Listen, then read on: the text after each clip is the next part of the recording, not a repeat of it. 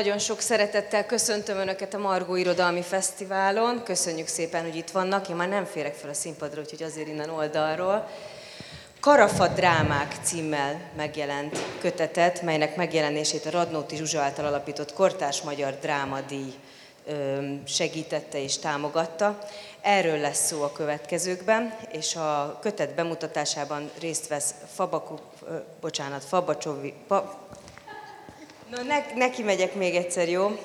Fabacsovics Lili, Zalán Tibor, Háj János, Szelle Dávid, Kárpáti Barbara és Lencsés Márton, de mielőtt erre sor kerül, és természetesen a beszélgetést Tóth Ramona Mirtil fogja moderálni, de mielőtt erre sor kerül, két dologra hadd hívjam fel az önök figyelmét. Az egyik az, hogy természetesen a kötetet a bookline meg is lehet vásárolni, és dedikáltatni is lehet a beszélgetés után, és mielőtt a beszélgetés elindulna, hadd kérjem meg Német Gábort, hogy magáról az alapítványról és a kötet körülményeiről hadd mondjon pár szót. Jó napot kívánok! A kötetről nem én fogok beszélni, hanem, hanem a színpadon, a reflektorfényben ülők. Nekem igazából csak annyi a dolgom és tisztem, hogy átadjam önöknek a Radnóti Zsuzsa üdvözletét, aki nagy örömmel fogadta a kuratórium tagjaival együtt ennek a kötetnek a megjelenését, és úgy döntött, hogy az által alapított díjnak ebben az esetben lesz egy külön díja, mégpedig ez a külön díj, amit most látnak, tehát hogy kellő figyelmet próbáljunk fordítani erre a kitűnő könyvre. Ez az alapítvány kifejezetten kortás magyar dráma szövegek megszületését próbálja inspirálni, például olyan módon is, hogy észreveszi ezeknek a megszületését, és ezzel talán új szöveg megszületésére is inspirálja az alkotókat. Én igazából csak annyit szeretnék ehhez talán hozzátenni, hogy a, amit talán kevesebben tudnak, hogy Zsuzsa egész életében ezzel foglalkozott gyakorlatilag, tehát hogy hogy lehetne új kortárs szövegeket megszületését támogatni, és a Kossuth díját, a Kossuth díját ajánlotta föl ennek az alapítványnak, és ebből, ebből tudunk működni.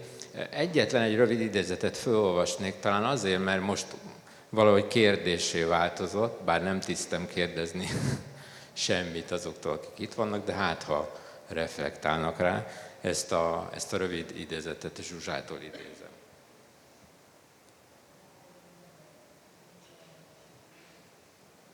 Amikor átvettem a Kossuth díjat, már akkor bejelentettem, hogy a díjjal járó juttatásból alapítványt hozok létre, annak kapcsán, amely a fél évszázados munkámat végigkísérte. Olyan kortárs drámákat, színpadi írásműveket díjazunk, amelyek közéleti tartalmúak, kritikus hangvételűek, tehát történelmi múltunk eddig kibeszéletlen, fájdalmas eseményeiről beszélnek. Vagy olyanok, amelyek kendőzetlenül szólnak, a minket körülvevő jelenkori magyar valóságról, és képesek arra, hogy fontos és érzékeny társadalmi jelenségeket fogalmazzanak meg a nagy nyilvánosság erőterében. Ugye ennek megfelelően ezt a díjat általában a Tóték bemutatójának az évfordulójára idézi, időzítettük. És a, a, szerintem a burkolt kérdés pedig az, hogy egy ilyen esetben, amikor, amikor az írók megkapnak egy régi drámatöredéket, és az egész tulajdonképpen a, a Petőfi ünneplésének a, a légkörében zajlik, akkor mennyire lehetnek igazak ezek az elő, előfeltevések, de hát hogy válaszoltok erre, vagy nem, azt nyilván rátokban bízva. Köszönöm a figyelmüket.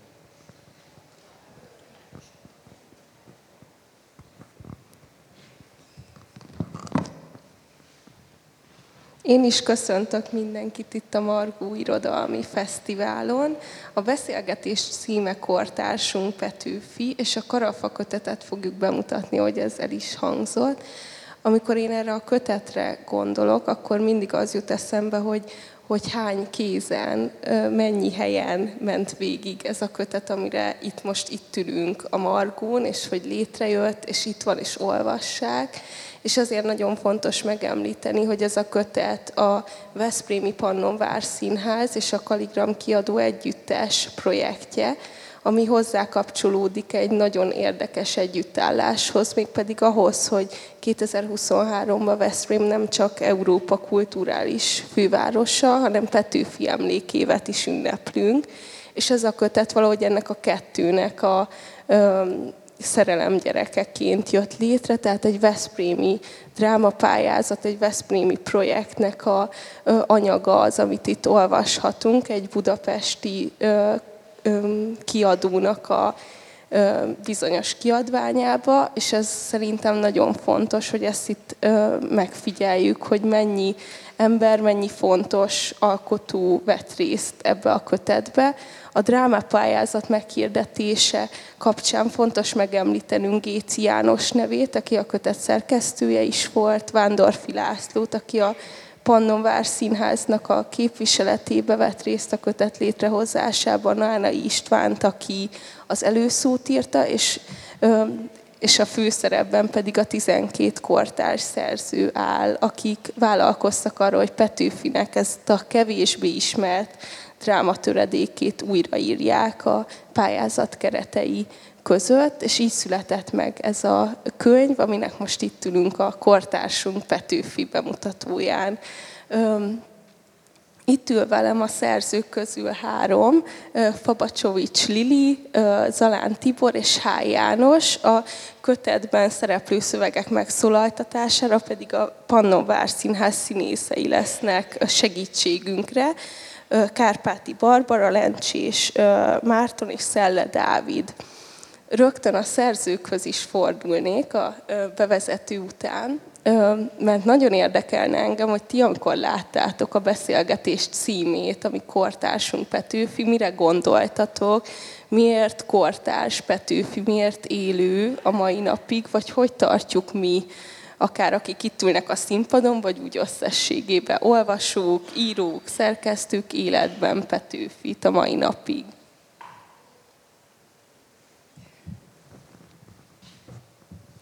Én igazából úgy gondolom, hogy, hogy Petőfi azért tud a kortársunk lenni a mai napig, mert annyira ösztönös érzelmeket fogalmazott meg, amik valójában nem sokat változtak egészen a mai napig. És uh, ugyanezt gondoltam akkor is, amikor elolvastam ezt a drámatöredéket, hogy rengeteg olyan témát felvet, ami ma is nagyon aktuális. Lehet, hogy kicsit mondjuk más társadalmi rétegek között, vagy más nyelven szólal meg, vagy más helyzetben van épp, de mégis olyan alapvető problémakörökkel foglalkozik, ami ugyanúgy aktuális, mint, mint az ő idejében volt. Én zavaró vagyok, akkor is így volt, amikor a Petőfi a Múzeumban meg kellett itt az állandó kiállítás, mert én nem tudom, hogy kortársunk-e Petőfi, feltétlenül nem. Na most nyilván szentségtől is ilyet mondani egy, egy 200 éve született emberről, csak annyira kortársunk, mint Adi Endre, vagy ő, ő Arany János, vagy nem tudom, bárki más, csak most éppen 200. év miatt nagyobb fényesik rá.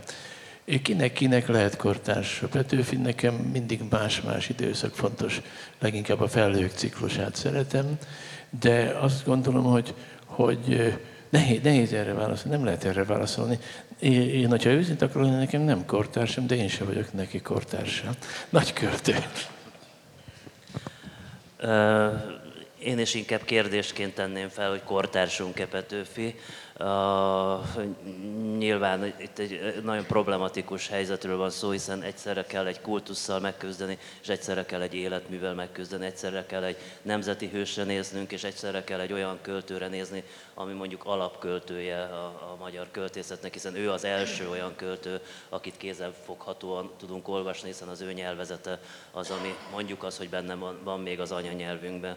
Ugyanakkor, hát persze azért beszélünk róla, mert 200. évforduló van, és itt a nagy kérdés az, hogy a 200. évforduló az, az még több szobrot állít Petőfinek, vagy közvetlenséget. Ha, ha azt akarjuk, hogy valaki kortársunk legyen, az annak az az alapja, hogy elevene még a szövege, szól-e még hozzád, beszél-e még hozzád, tudsz-e vele dialógusba kerülni, vagy pedig úgy nézel rá, mint egy múzeumi tárgyra. Nekem nyilván az volna a, a szimpatikus, hogyha eleven lenne, általában azokat a klasszikusokat szeretem, akik leszállíthatók a posztamensekről és kirobbanthatók a szobrokból, úgyhogy ilyen módon bízunk benne, hogy ez az év jókat hoz Petőfik szempontjából. Nehéz a helyzet, mert ő sok borozó verset ír, de nem szerette például a bort, ami ma megnezíteni a közeledés nagyon sok költőnek hozzá. Én, én szeretem a bort. Jó is, János, hogy említetted a szobrokat és a múzeumokat, ahova így berakjuk a különböző becsontosodott, teljesen kanonizált szerzőknek a szobrát, és istenítjük akár őket, vagy mindenkinek fejből kell mondani a bizonyos szövegeket. Amikor én a karafára, a karafa dráma kötetre gondolok, akkor engem az is nagyon érdekel, hogy ez a kötet önmagába mennyit tud hozzáadni, elvenni, de nem negatív értelemben elvenni a Petőfi kultuszból, hogy meg tudja eteremteni a közvetlenséget, vagy mit gondoltok, hogy ez a kötet milyen eleme ennek az egész Petőfi kultusznak, attól függetlenül, hogy dicsérjük is persze, mert hazabeszélünk bizonyos szinten, de hogy, hogy mit hajt ez a kötet végre, ami bármibe is hozzájárul ahhoz, hogy ma mondjuk akár egy fiatal vagy egy színházba járó találkozik ezekkel az alkotásokkal, és mi az, amit mondjuk máshogy gondolhat el Petőfiről ezek után? Én azt gondolom, hogy ez a kötet például nagyban hozzájárul ahhoz, hogy bizonyos értelemben kortársunk tudjon lenni Petőfi, hiszen tíz teljesen különböző darab van benne, mindre mégis hatással volt az eredeti drámatöredék, az van tovább gondolva, vagy abból inspirálódva, átírva, tehát hogy nagyon sokféleképpen megfogalmazva, de mégis valahol mindegyik Petőfihez kötődik. Igen, Petőfi nem volt drámaíró, alkatilag nem volt drámaíró. Én nem szeretek pályázatokon részt venni, itt se akartam, ezt se akartam megcsinálni, de nagyon-nagyon izgatott, hogy történelmi drámát írjak. Egy igazi történelmi drámát, ami abszolút nem aktuális ma. Ma senki sem történelmi drámát, már a 80-as években is ilyen hitvitázó drámákat írtak történelmi dráma álnéven. És engem az érdekelt, hogy, hogy, hogy mit tudok én ebből csinálni. Tudok-e történelmi drámát írni? Nem tudom, hogy tudok-e vagy nem, de én azt a, a másik 11 művet úgy olvastam, mint Petőfi értelmezést, és ebből a szempontból nagyon fontos volt számomra. Van egy töredék, egy, ahol a, ugye a szerző fölvázolja az elején mindig a szereplőit, ennél többet nem tudunk a dologról, hogy tudjuk, hogy a Karaf az egy nagy gazember volt, Na ebből ki mit csinál, kit, kit mi mozgat meg. Szóval ilyen, tehát értelmezési szempontból nagyon fontos. Magyarán kaptak, kapott a közösség 12 írói Petőfi értelmezést, amit én nagyon fontosnak tartok. Mindig én vagyok a harmadik, egy kicsit statikus is ez így rendezőileg, de, de ráadásul mi, mert nem tudok mit mondani, mert mindent elmondhatok. Szóval, hogy ez nem Petőfiről szól ez a kötet, hanem ez egy tucatnyi kortárs magyar drámát tartalmaz, és ez a lényege. Az, hogy miből dobbantunk egy mű megírásához, az végül is tök mindegy. A lényeg az, hogy amikor valahonnét dobbant az ember, akkor keresi azt, azokat a terepeket, ahol ő meg akar mutatkozni. Én nem akartam történelmi drámát írni, mert nem szeretem a történelmi drámát, nem akartam a Petőfi szöveget használni, mert rá nagyon nem tetszett. Szerintem ez egy rossz szöveg. És, és akkor gondoltam, hogy akkor viszont mit tudok ezzel az egésszel kezdeni, és akkor, és akkor teljesen elmozdultam a szövegtől, és a szöveg csak mint hivatkozás, amiről beszélgetnek, hogy miért rossz és így szerepel a, a, a színdarabba, és, de ez nem baj egyébként, ez is egy fontos dolog, hogy, hogy mitől lehet élő vagy kortárs egy szerző, hogy, hogy én azt mondom, hogy ez nekem nem tetszik ez a szöveg. De nem kell, nincs igazam ebbe, érted? Ez nem egy, nem egy objektív igazság. Én ezt mondom, lehet, hogy Tibor mást mond, bárki más, Lili mást mond. Az a helyzet, hogy, ha, hogy tudjunk róla beszélni, és merjünk szembeszállni bizonyos szövegekkel, mert hogyha Tibi azt mondja, hogy a felhők ciklus, amit én is nagyon kedvelek egyébként a Petőfitől, de egy csomó olyan része van a felhők ciklusnak, ami, ami nagyon ilyen, ilyen aforisztikus és ilyen túl megmondó, ugye ezek a bölcseleti Petőfi versek, a, és, és vannak, amik brilliánsak, és, és valójában az életműhöz való eleven közeledés az ezzel is jár, hogy merek vitatkozni, hogy, hogy, hogy ez tetszik, ez nem tetszik. Ja. És most, hogy belevágtunk a közepébe, hallgassunk is meg egy részletet Zalán Tibor drámájából. A szereposztás úgy fog kinézni, hogy Karafát Szele Dávid ö, ö, hangoztatja ki, vagy hogy ő adja a hangját ö, Karafának. Ö, a Mészáros szerepében Lencsés Márton, Mária pedig Kárpáti Barbara lesz. Mária monológia. Édes Istenkém, te, aki mindent látsz, és végtelen kegyelmedben tartod Mária gyermekedet, könyörgése és esti imája után legyen még türelmed végighallgatni őt, kinek gyönge szívét átjárja a félelem, törékeny testében aggódástól fogyatkozik az erő. Mióta a király őfelsége ide küldte a karaffagrófot, aki eljár fölöttünk és megkínosz, hogy kilép belőlünk a vér, a karunkat levágatja a fejünkkel egyetemben, és felnégyelteti a testünket, belső szerveink előomlásának a szégyenét idézve ezzel elő.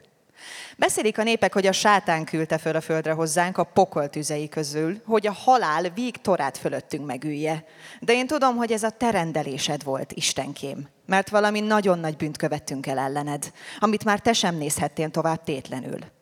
Nem is lázongok én a végzésed ellen, és nem is Karafa tábornok úrral akarok beszélni. És mégis kell róla is, mert őt ki nem kerülhetem, hiszen a szégyenem és félelmeim legfőbb okozója ő. Amikor nálunk járt, apuska megbecsült vendégeként, azt az arcát mutatta felénk, amely oldalon nem hordozza a haláljelét. Olyan volt, mint egy kedélyes ember, öregedő férfi, aki a játékot és a tréfát is szereti. Bár már hallottam ezt azt róla a népektől, és a híradásoknak olykor hitelt is adtam, be kell valljam neked vég kedély állapota, meleg tekintetes, ahogy közöttünk hányatott ifjúságára visszaemlékezett, nem engedted áttatni számomra a vérivó helytartó sátánt meghaladó gonosz arcvonásait. A jénzép sem felől kérdezősködött, és maga is elmesélte, hogy a sakjáték mindene. Nálunk járt akkor elmenőben a nagyméltóságú úr kedélyesen megcsippentette az arcomat, mintha az atyám lenne egyáltalán, és azt mondta, ha bármikor segítségre lenne szükségem, és ő ebben erőt mutathat, járuljak elébe bátran. Az elmenetele utáni napok hírei már láthatták volna számomra a gonosz igazi arcát, de mert nem bizonyosodhattam meg a hírek valóságáról. A hírek persze olyan vastagok voltak, hogy légből szedetnek azért nem tarthattam őket, de bíztam abban, hogy a játékos tábornok csak az emberek védelmében és a királyatyánk biztonságáért kénytelen megtenni azokat a bérességeket, amikről a beszámolók szólnak. Egészen addig, amíg a szírmait el nem hurcoltatta az otthonából. Erről a szírmairól annyit kell szólnom, hogy gyönyörű szép ember, férfi, ügyvéd, és neked nem szégyellem azt sem bevallani, a szívem teljes és tiszta szerelmét ő bírja. De ez a színmai nem engem szeret, mondhatni észre sem vesz, hanem az anyuskába van belebolondulva. Napokkal múlva hírét vettük, hogy a szírmait a karaffal lefogadta, elhurcoltatta és a börtönében kínozza. Erős felindultságot éreztem, hogy megmentsem életem szerelmét. És akkor eszembe jutottak a tábornok szavai. És kihez közöltem, hogy fogadjon a nagyméltóságú úr. Kedvesen fogadott, teával is megkínált, és komolyan és jóságosan meghallgatta a szírmai védelmében felsorakoztatott mentségeimet. Azután még kérdezgetett, én persze nem vallottam be neki a szírmait, az sem, bár arról is élénken érdeklődött, hogy apuska és anyuska már nem szeretik egymást. Mondtam, hogy szépen, hogy boldogan élnek, meg hogy mindhárman a legnagyobb boldogságban élünk már nem is tudom, hogy milyen kitérő okán megjegyeztem, az apuska volt csak feszült és nyugtalan az elmúlt időkben egyszer, mert valami levelét nem találta sehol a zsebében, ahol lennie kellett volna, és kereste, mindenkivel kiabálva kerestette, mint egy bolond. Az ilyen elfoglalt emberekkel ez gyakorta megesik, nyugtatott a karaffa. Reményének adott hangot, hogy bizonyára azóta rendeződött a levél körüli kálvária. Mondtam, hogy persze. A szírvai megnyugtatta az apuskát, illetve nem is őt, hanem az anyuskát, szóval anyuskán keresztül az apuskát. Ebből arra következtettem, hogy az elkeveredett levél talán szírmainál lehet. Apuska minden esetre később, nyilván szírmai hatására megnyugodott. Ez a kifejlet a tábornokat is megnyugtatta, és még arról kérdezősködött, hogy nagylány lévén van-e már a szívemnek választotja. Nem, én most sem árultam el, hogy épp a szírmai az. A tábornok megdicsért a bátorságomért és a harcias kiállásomért, és megígérte, hogy ha jó leszek hozzá, meg fogja menteni, bármilyen vádak is szóljanak ellene, a szírmait. Biztosítottam, hogy jó leszek hozzá, ez őt láthatóan elégedettséggel töltötte el. Távozásomkor ismét megcsipkedte az arcomat, és legnagyobb meglepetésemre megsimogatta még a hátamat is, amikor atyaias mozdulattal magához húzott az ajtónál. Mondhatni szabályosan megölelt, mintha családtagok lettünk volna, vagy még annál is jobban. Bár tudtam, hogy az ilyesmi nem teljesen illendő, mégis kedvezően fogadtam a közeledését. Mi több, melegség öntött el tőle. De az örömömet talán egy nappal később összetörte az, hogy apuska eltűnt a házból. Nyoma veszett. Anyuska mind nyugtalanabb és idegesebb. Meg kell vallanom neked én is. Anyuska magából kikelve ordította és ordibálja azóta is, hogy annak a rohadt karafának a keze van a dologban. Hát még az is lehet. De ha így van, akkor nekem hitelt kell adnom annak a sok minden szörnyűségnek, amit a népek beszélnek a nagyméltóságú úrról, a rémtetteiről. Segíts, könyörgök hozzád, segíts, hogy mire a nap újra felkel, csókolhassuk egymást reggel. Ámen. Most a Mészáros és Karaffa jelenete következik. Jó reggelt, uram! Végre, hogy találkozunk.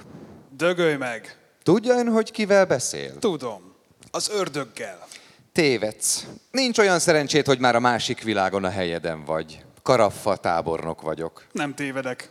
Te a sátán bűzlőkölyke vagy. Bojtos a farkad, és vérre szomjazol, karaffa. Magyar vérre szomjazol. Azt gondolom, ön kicsit elfogult velem szemben, tisztelt uram. Mit akar sátánfatja? Miben töröd azt a rohadt fejedet? Indulatos velem a vendég úr. Gúnyolódsz, vérbajos olasz. Én vérbajos? Önből jön a vér mészáros. Összevérez nekem mindent, ezért is nem kínálom helyjel. Lennénk csak szemközt egymással féreg. Ketten, mi férfiak. De te nem vagy férfi. Ezek mögé a kutyák mögé bújsz, akik éjjel-nappal gyötörnek a parancsodra. Mégis mit csinálna velem derék mészáros, ha úgymond szemközt lennénk egymással, mi ketten férfiak? Kínnám a véredet. Az utolsó cseppig kínnám azt a romlott német, nem is német, olasz, nem is olasz, német.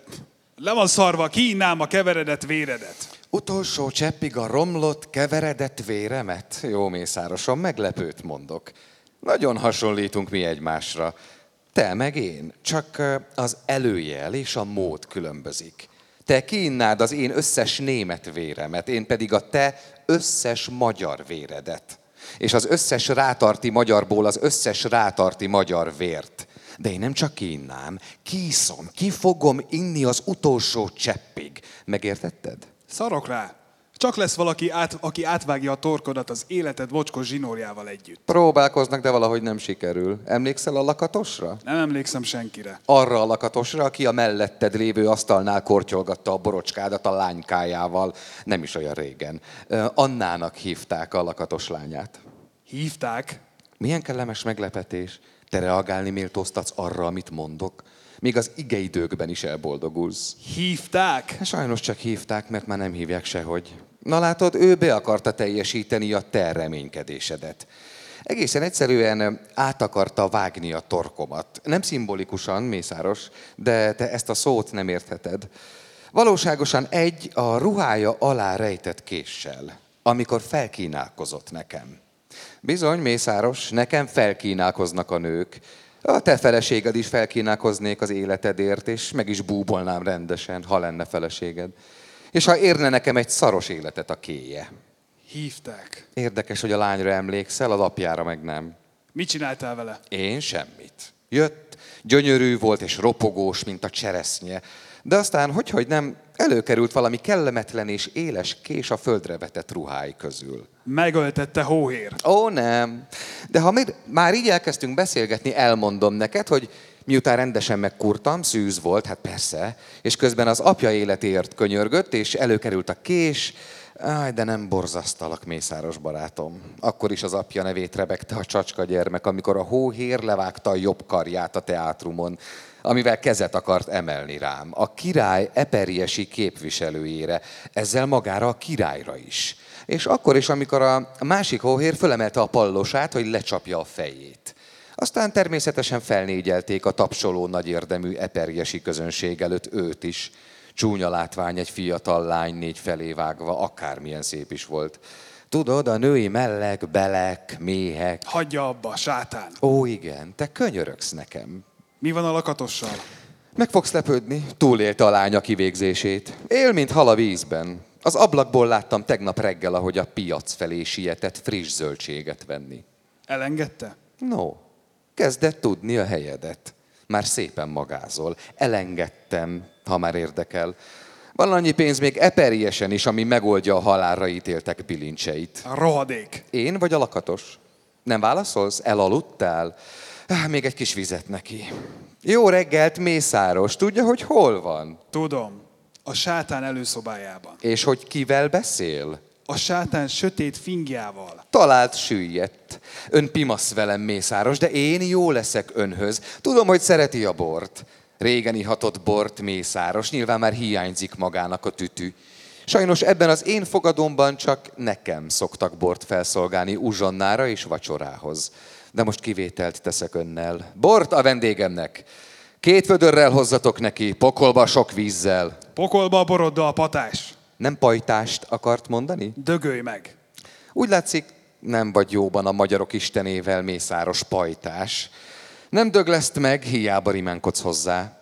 Én foglak megdögleszteni hamarosan. De most még éljünk a jelenben. Inni fogsz, barátom, annyi bort kapsz, amennyi a torkodon befér. Nem kell a borod. Rohadt talján hernyó. Megölhetsz, de nem beszélek. Nem ismerek senkit. Nem tudok semmi, nem mondok semmit.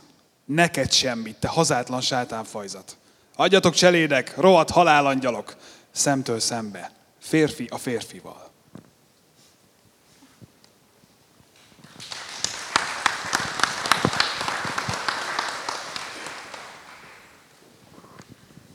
Köszönjük a felolvasást, szerintem nagyon izgalmas volt így hallani. Én most hallom először ilyen verzióba. Igen, igen.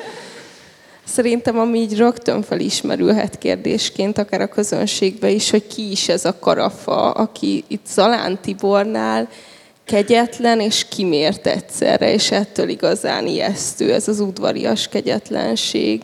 És én amikor olvastam mindhármótok drámáját, meg a többiekét is, Karafa különböző ilyen ö, fényverésekbe vagy ö, jelenik meg, tehát hogy a ő kegyetlensége vagy alakja mindenhol újfajta nyelvi értelembe, alaki értelembe, hatalmi értelembe ö, tűnik fel, és hogyha az lenne szerintem nagyon izgalmas, ha mesélnétek arról, hogy amikor hozzá kellett nyúlnotok ez az alakhoz, akit Petőfi így ö, megelevenít, akkor mik voltak a vezetőszálak, vagy ki is ez a karafa nektek, mert az, hogy ki Petőfinek, azt a fülszövegbe elolvassuk kb de hogy nektek ki volt a munka közben. Igen, mehet fordítva most, és akkor János nem. De most erre én pont nem tudok válaszolni, mert, mert én nem írtam róla, úgyhogy Tibornak adom. Kicsit úgy van ez a könyv, hogy, hogy vannak drámák, ilyen a Tiboré például, a Szálinger Balázsé, Márton Laci, nagyon erősen kötődik az eredeti szöveghez, és erősen felhasználja, és egy történelmi drámát épít föl. És akkor vannak, amelyek eltérnek kisebb vagy nagyobb mértékben, mondjuk a Lili és az enyém például ilyen, tehát így, így most kompetens választ Zalán Tibortól várjuk. Viszont János nem kiméllek, mert annak is oka van, ha kimarad. Tehát, hogy az is jelentőséges, hogyha nincs ott. Tehát, hogy, hogy erre nem tudná reflektálni. De azt szerintem az előbb elmondtam már, hogy nekem ez a szöveg nem működött. Én nem szeretem a történelmi drámákat, azt hiszem, hogy általam kedvelt íróknál is, például mint a Szabó Magdánál is a drámái azok a mélypontjai az életműnek, és kamaszkoromban német László drámákra vittek el az iskolából, ami olyan mély nyomokat hagyott bennem, hogy azóta a történelmi dráma címszót meghallom, akkor kezdek összeomlani rögtön, és amikor Sinkovics, mint hetedik Gergely, mit tudom én, három órán keresztül fejtegette a morális nem tudom mieit, az, az nagyon húzós volt. És viszont az fontos volt számomra, hogy Petőfi, mint figura, nagyon jól tartalmazza azokat a poétikai és művészeti és művészet pszichológiai problémákat, amelyeket azóta is cipelünk magunkkal, illetve cipel minden alkotó.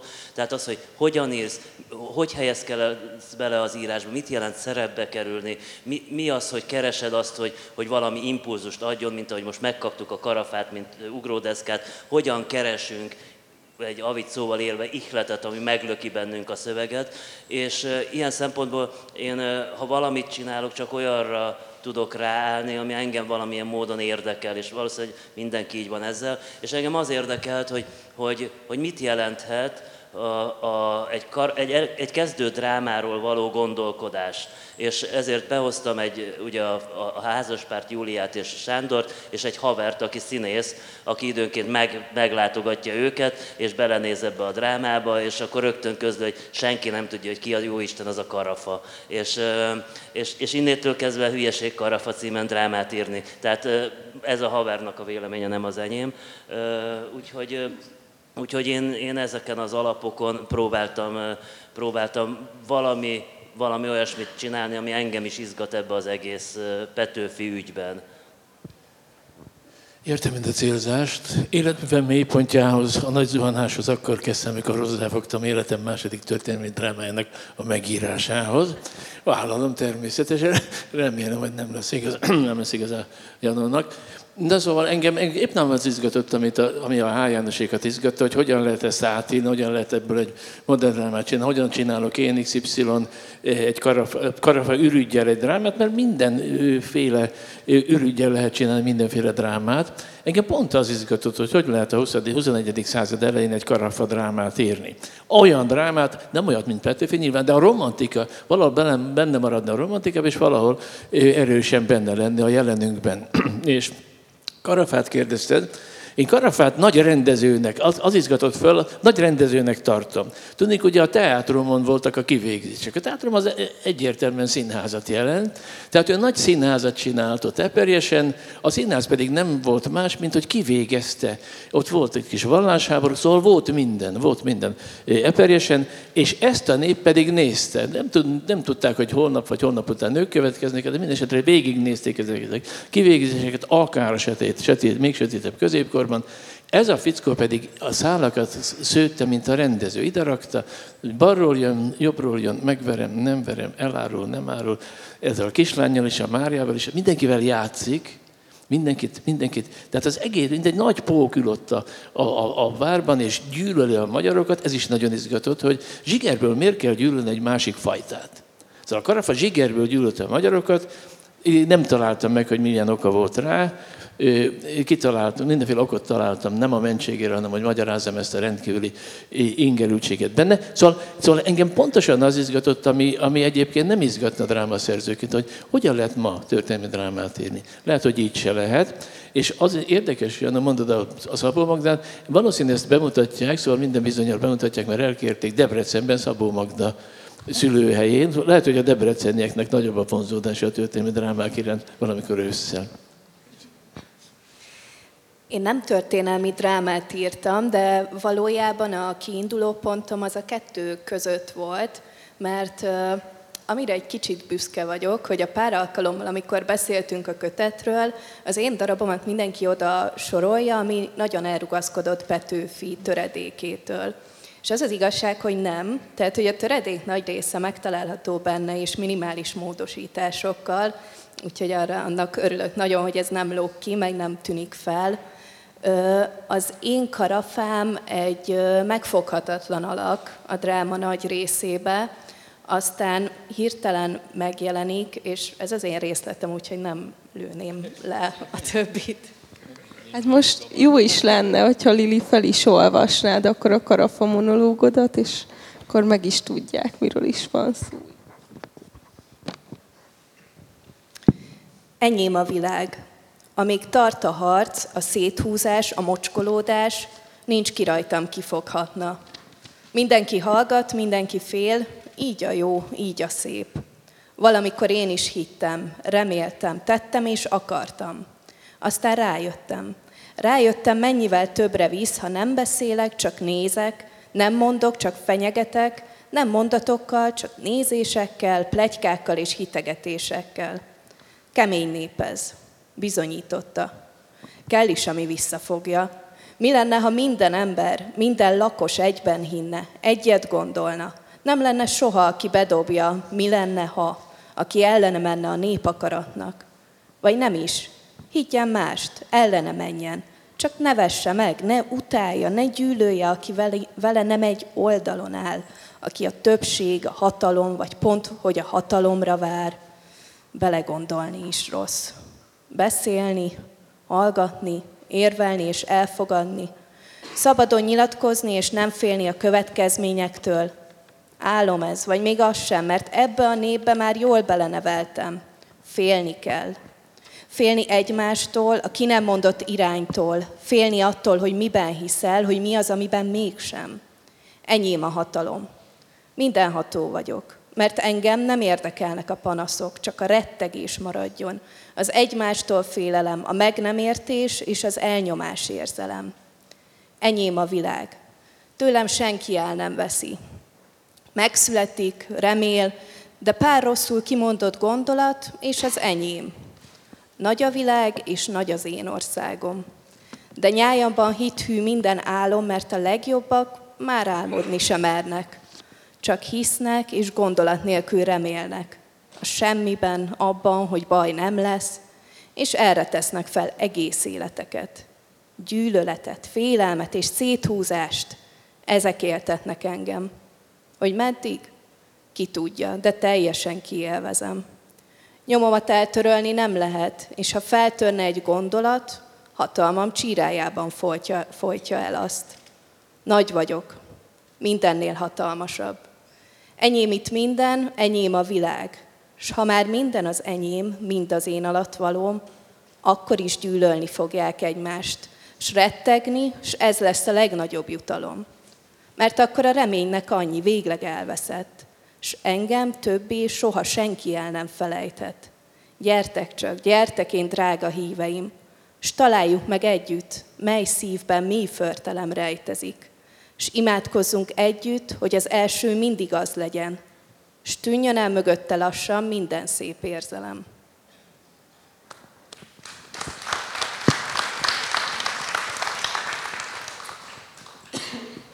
Köszönöm, hogy felolvastad. Um, amerre még tovább haladnék, amíg van időnk, az az, hogy, bocsi, itt uh, János már az elején említette is azt, jó is, hogy nálad van a mikrofon, hogy valahogy a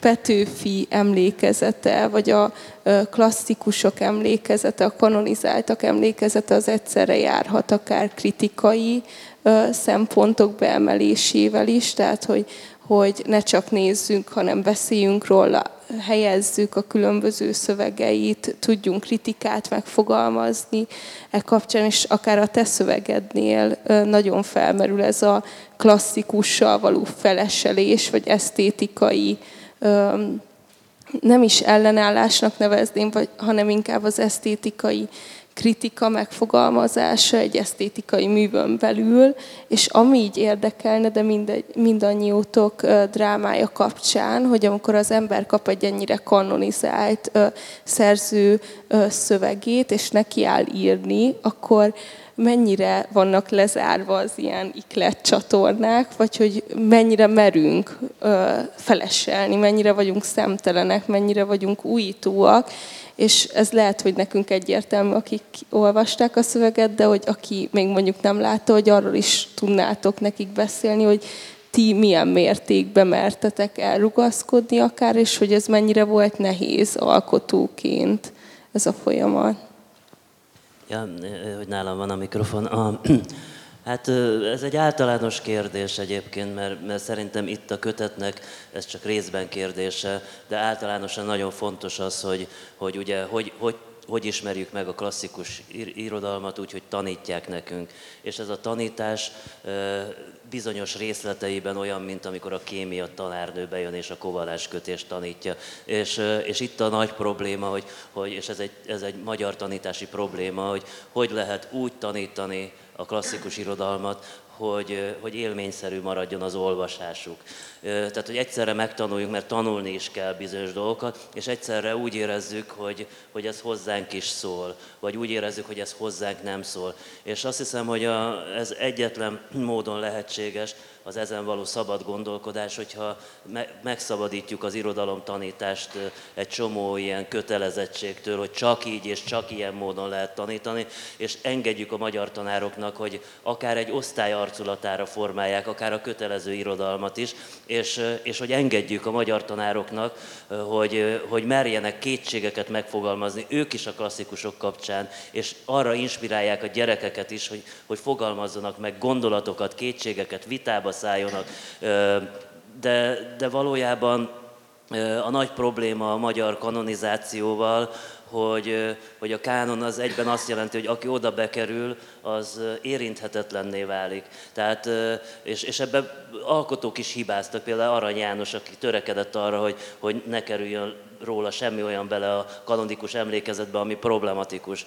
Hogy, hogy, hogy, és az érinthetetlenekkel nem lehet már diskurzusba kerülni. Az irodalom az, az, egy, az egy párbeszéd, amiben van a mű, ami megszólít téged, mint olvasót. És ha ez a megszólítás nem történik meg, akkor nem érdekes az egész. Akkor hódolhatunk, mint egy, egy istenség előtt Petőfi Sándor szobránál, de ez nem jelent semmit. Tehát, hogy az az igazság, hogy, hogy lehet bátran játszani, és, és, és bátran játszani ezekkel a figurákkal, akár az életükkel, akár az életművükkel, a tradíció kibírja. Tehát azt is kibírja, hogyha én nem szeretem Krúdi Gyulát, azt, azt a Krúdi Gyula kibírja. Tehát nem, nem fog fájni neki. De, vagy a, és, és hogy ez egy eleven, egy mozgó, egy folyamatosan változó organikusság, amit tradíciónak nevezünk, és, és csak akkor az, hogyha ez így, így marad, és így tud működni bennünk, és nem a hódolat tárgya lesz. Ettől még nem, félreértés ne essék, ettől még én nagyon szeretem Petőfit, sőt, kifejezetten.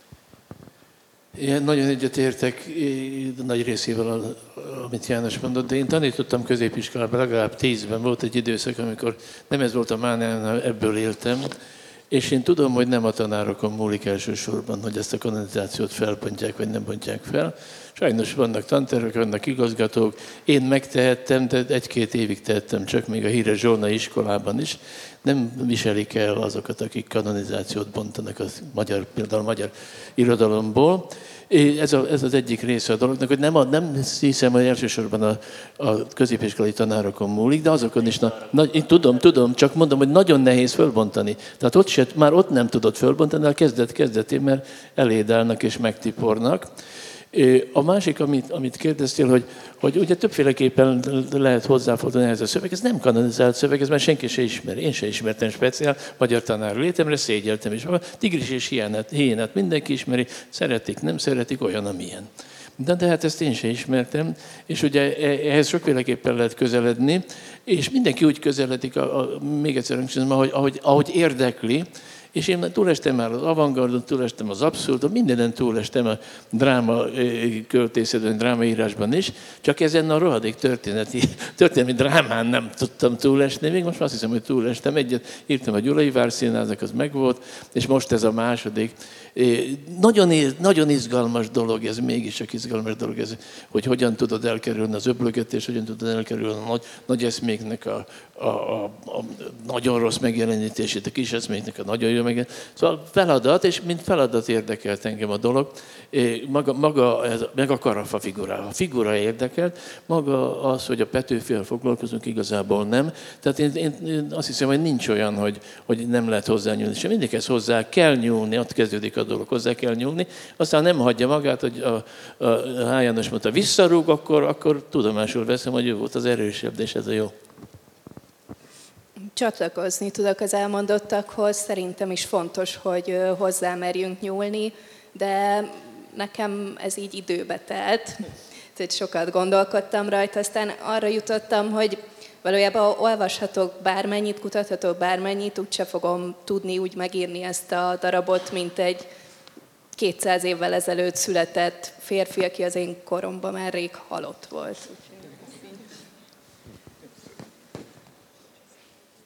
Szóba is került a közoktatás, és ha jól tudom, akkor Veszprémbe játszották is uh, diákcsoportoknak uh, H. János drámáját, tehát hogy elindult a kötetnek a különböző darabjai, elindultak e felé, hogy lebontsuk kicsit a emelvényt a uh, Petőfi körül, és most pedig szeretném meghallgatni akkor ö, színészeinktől H. Jánosnak egy a dráma részletét, és itt a szereposztás úgy fog kinézni, hogy Sándort játsza Szele Dávid, Júliát Kárpáti Barbara, és a haver szerepében Lencsés Márton lesz. Első jelenet, Sándor albérlete. Miért van ilyen rohadt szar kedved? Levelet kaptam. Kitől? Julitól Mit ír? ezt. Ezerszer Júlia. Ez mi valami rejtvény?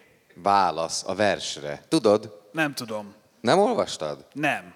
Már jó ideje nem olvasom, amit írsz. Mindegy. Különben én nem tudok úgy haver lenni, hogy pont ne, az nem érdekel belőlem, ami nekem a legfontosabb. A versek nem te vagy. De én vagyok. Anélkül én nem az vagyok, aki vagyok. Anélkül vagy olyan, mint mindenki. De én nem vagyok olyan, mint mindenki. De olyan vagy. És amíg ezt nem látod be, addig csak szerepet játszol. Érted? Hol hőszerelmes vagy, hol népdalköltő, hol a nagy duhaj, meg nőcsábász. A tököm tele van már veled, nem unod még? Te, te is szerepet játszol. Mert színész vagyok, baszki. Az a dolgom. De amikor lejövök a színpadról, azonos vagyok önmagammal, érted? Pont az vagyok, aki vagyok. Mindenki szerepet játszik. Az is egy szerep, hogy azonos vagy önmagaddal. Ezt olvastad valahol, mi? Nem, ezt én gondolom, de ez az igazság. Nincs olyan, hogy önmagad. Jó, akkor játsz csak az aktuális szerepet. De ha akarsz egy olyan barátot, aki nem azért szeret, mert a csillagokba röpített a szerep, akkor itt vagyok. Ha azt akarod, hogy rajongó legyek, keres magadnak másik barátot. De azoktól majd ne várd el, hogy akkor is melletted legyenek, amikor nem te vagy a sztár. Én mindig sztár leszek. Ó, senki nem tudja, hogy mi lesz, csak azt, ami van. Csak utólag hiszed, hogy más nem történhetett, csak az, ami történt. Holott bármi történhetett volna addig, amíg meg nem történt az, ami megtörtént. Hát lehet így is gondolkodni. Csak így lehet. De mi volt az a százszor? Ezerszer. Jó, ezerszer. Hát az van, hogy el kell vennem Juliskát, mert szeret. Azért írta a levelet. Hát ez tök jó, nem? Ráadásul rímel is. Hát nem tök jó, és a rím is szar. Baszki, akkor ez a szerelem is csak egy szerep volt. Addig volt jó, amíg nem volt valóság, mi? Mondj már valamit. Azért lett az egész, mert a János Vitézben így hívják a csajt. Az Iluska. És azért ennél egy kicsit bonyolultabb a dolog. Te tiszta hülye vagy. Te nem is akartad ezt az egészet. Csak hisztériáztál, hogy elhagy, meg máshoz megy. Jó, kicsit igen. Kicsit igen, de nagyon nem. Hát most erre nem tudok válaszolni. Te csak úgy írtál egy verset, a csaj meg komolyan vette. Ja, ez a kör még benne volt. Reszket a bokor.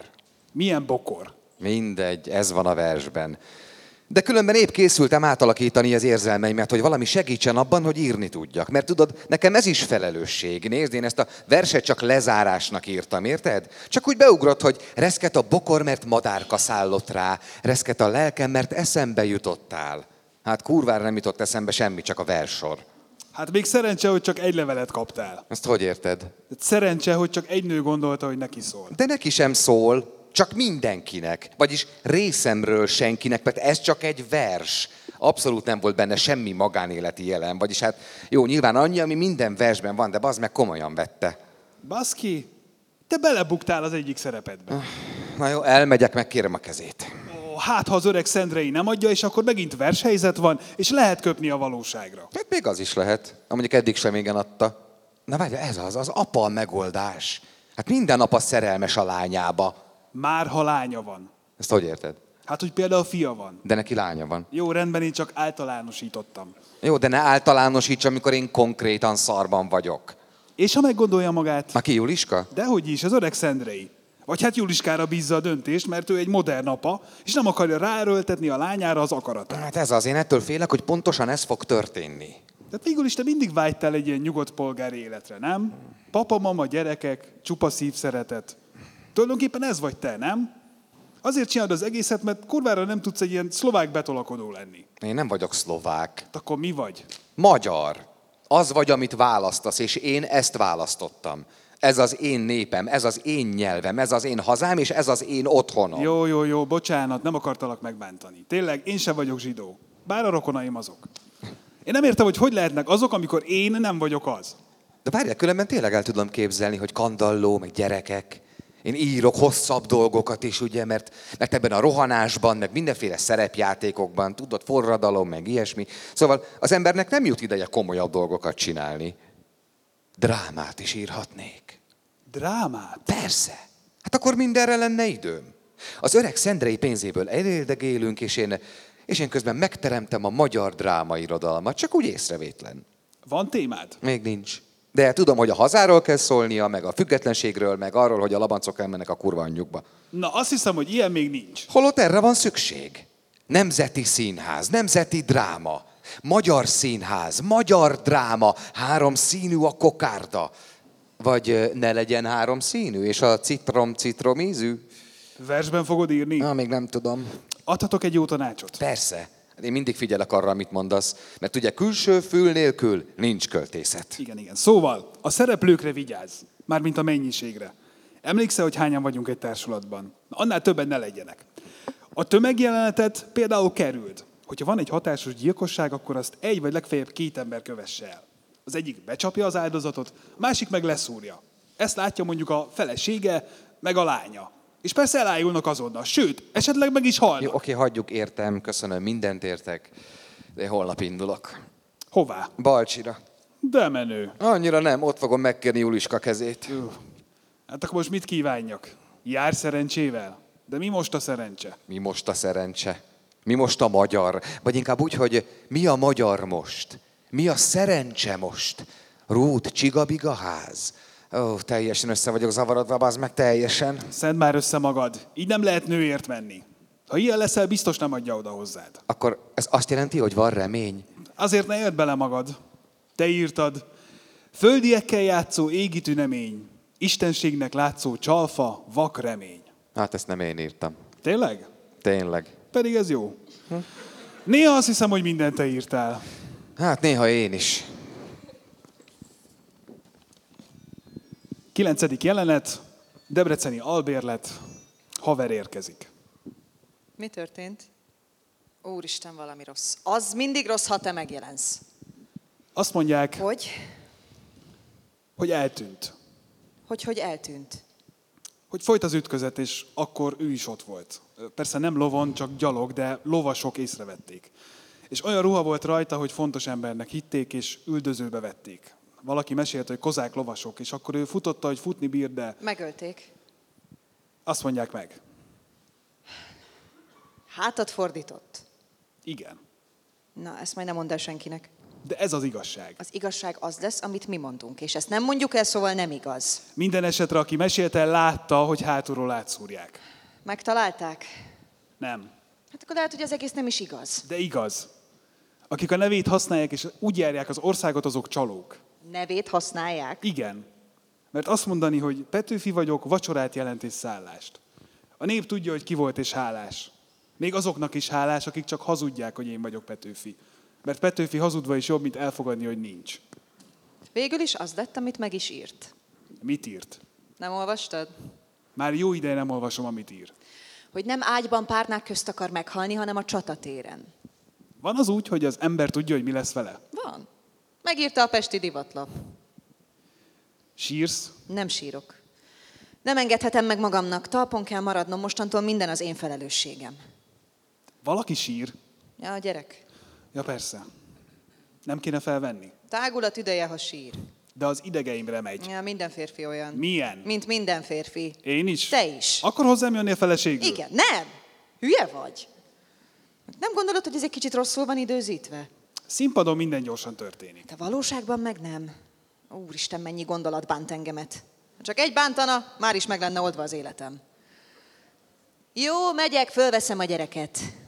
Júlia elmegy, az ajtón belép Petőfi. Te vagy az, Sándor. Én.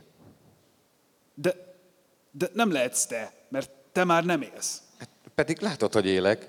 Nem élsz. Már csak emlék vagy. De, de hát itt vagyok. Nem. Ez, ez nem te vagy. Úgyhogy húzz el innen a francba, jó? Hallod? Húzzál már el! De a- Nincs semmi de! Húzz el a francba! Haver kilögdösi Sándort, Júlia belép. Volt itt valaki? Csak egy csavargó.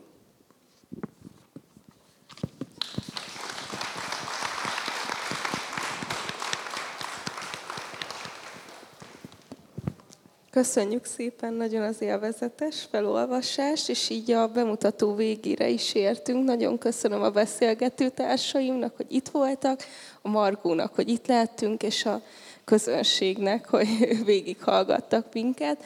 Megvásárolható a kötet a Buklán standjánál, és szerintem a szerzők nagyon szívesen dedikálják majd ott kint a kötetet. Szóval köszönjük, és szép estét nektek!